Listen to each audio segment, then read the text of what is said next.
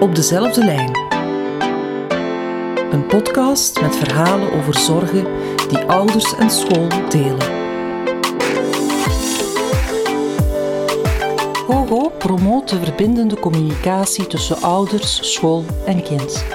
Om verbindend te kunnen samenwerken is het belangrijk om je in te leven in de ander. Dit is de eerste stap om elkaar beter te begrijpen. Luister naar deze podcast, leef je in en verruim je blik.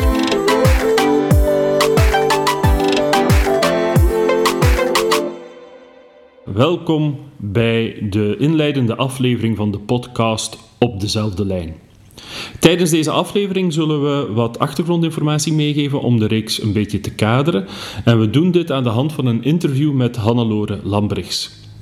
Nu, voor wie jou nog niet kent, Hannelore, kan je misschien jezelf even voorstellen? Ja, dat ga ik zeker doen. En ik zal tegelijkertijd ook wel uitleg over Kogo geven. Ik ben uh, dus Hannelore en ik ben coördinator bij Kogo. Kogo is uh, de koepel voor ouderverenigingen van het officieel gesubsidieerd onderwijs. In iets eenvoudiger woorden, het stedelijk, gemeentelijk en provinciaal onderwijs. Dus de scholen, de provinciale en gemeentelijke en de stedelijke scholen.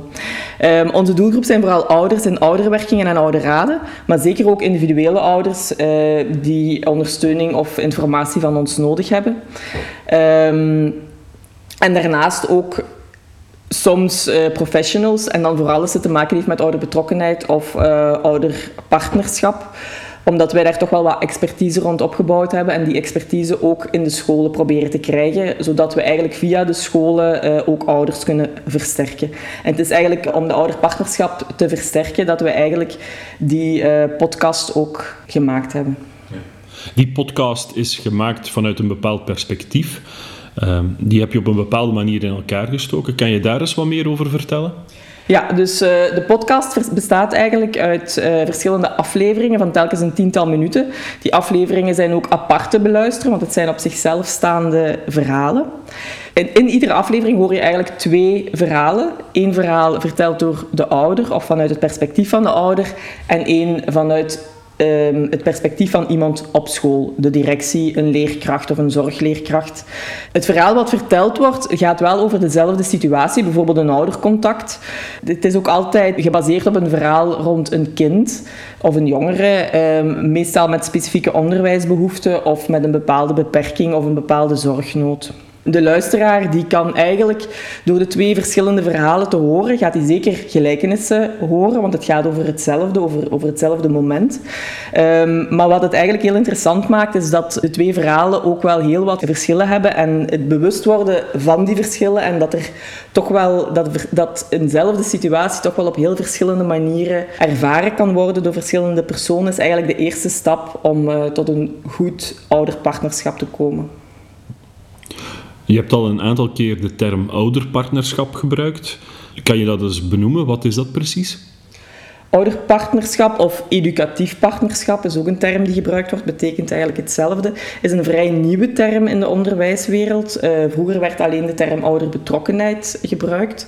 Maar ouderpartnerschap wil toch wel verder gaan als ouderbetrokkenheid. En daar gaat het echt over um, het wederzijds contact tussen ouders en school, tussen een samenwerking tussen ouders en school, ook wel met leerlingen ook. Hè. Dus niet alleen ouders-school, maar ook eigenlijk de volledige driehoek ouders, leerlingen en school samen nadenken over hoe dingen aangepakt kunnen worden en zeker ook gelijkwaardigheid. Wederkerige communicatie, waar dat de podcast dan vooral over gaat, of wat dat, voor ogen heeft, uh, gaat eigenlijk over echt luisteren en echt uh, kunnen bespreken uh, met ouders, met school, wat dat er besproken moet worden. En dat is toch wel anders met wat dat we in veel gevallen gewoon zijn, het in één richting zenden van informatie. Dus school die informatie geeft aan de ouder over hoe het in school gaat met het kind.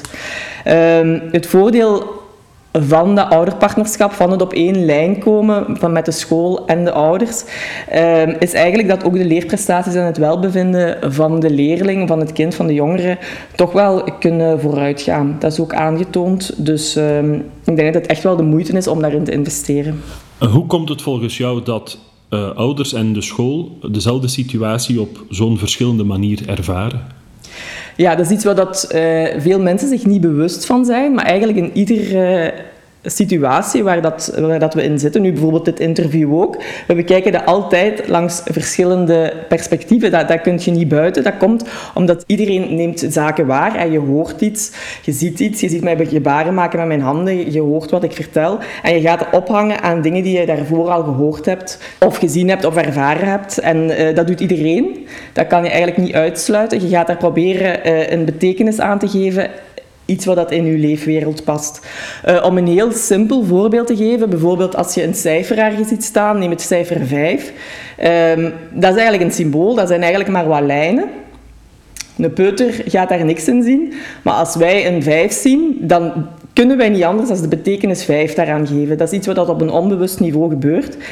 Een ander voorbeeld, als je ergens een typfout ziet staan, of niet ziet staan, moet ik beter zeggen, um, of daarover leest, dat komt eigenlijk omdat door snel te lezen gaat daar al betekenis aan gegeven worden. Soms worden daar ook zo, er gaan soms zo teksten rond op Facebook waar dat alleen de medeklinkers in staan en de klinkers weggelaten worden. Dat heeft ook daarmee te maken dat je dat toch kan lezen, omdat je uh, hersenen dat eigenlijk invullen zodat dat betekenisvol geheel wordt.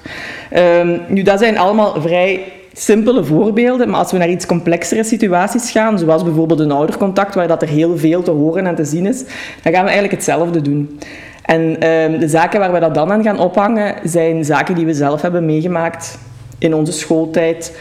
Um, is onze opleiding die we gevolgd hebben, is um, ja, dat kan van alles zijn. Iets wat, dat, wat u pas verteld is, iets wat dat je te weten bent gekomen over uw kind, een bezorgdheid die je hebt. Alles wat dat, dat, dat je eigenlijk meedraagt, gaat ervoor zorgen dat je betekenis geeft aan wat dat je hoort. Waardoor dat er natuurlijk ook misverstanden kunnen ontstaan.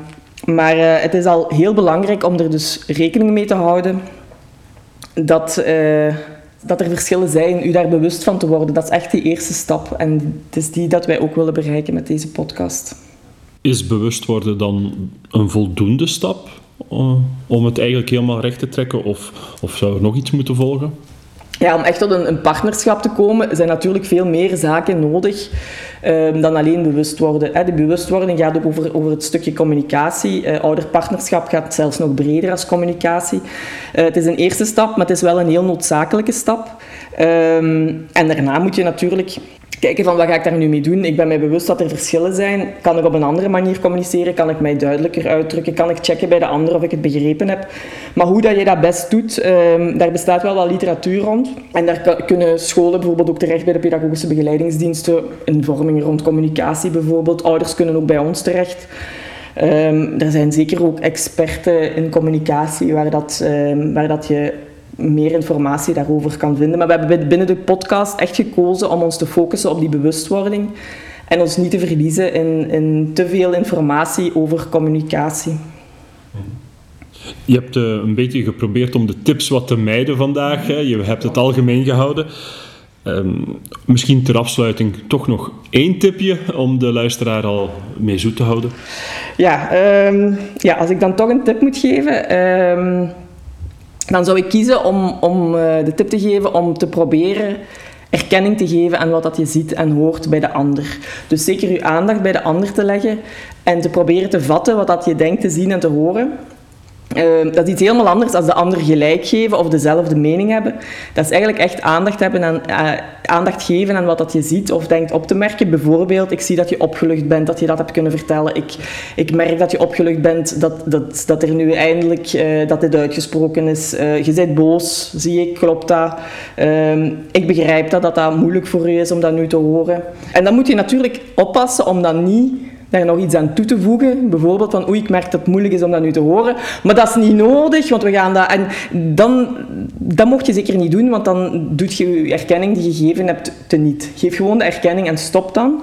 Dus ja, ik denk misschien samengevat, mijn tip zou zijn van... Um, om tot wederkerige communicatie te komen, is het belangrijk dat je bewust bent dat je een verschillende waarneming hebt als de ander.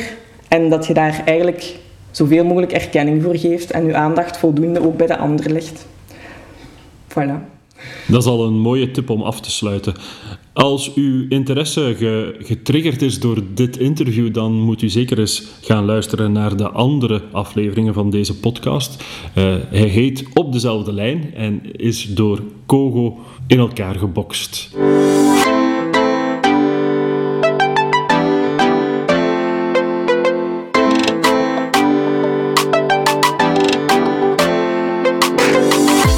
Ga de uitdaging aan om op zoek te gaan naar wat ieder nodig heeft. Laat je inspireren om in je eigen situaties aan de slag te gaan. Luister ook naar mijn verhaal op kogo.be.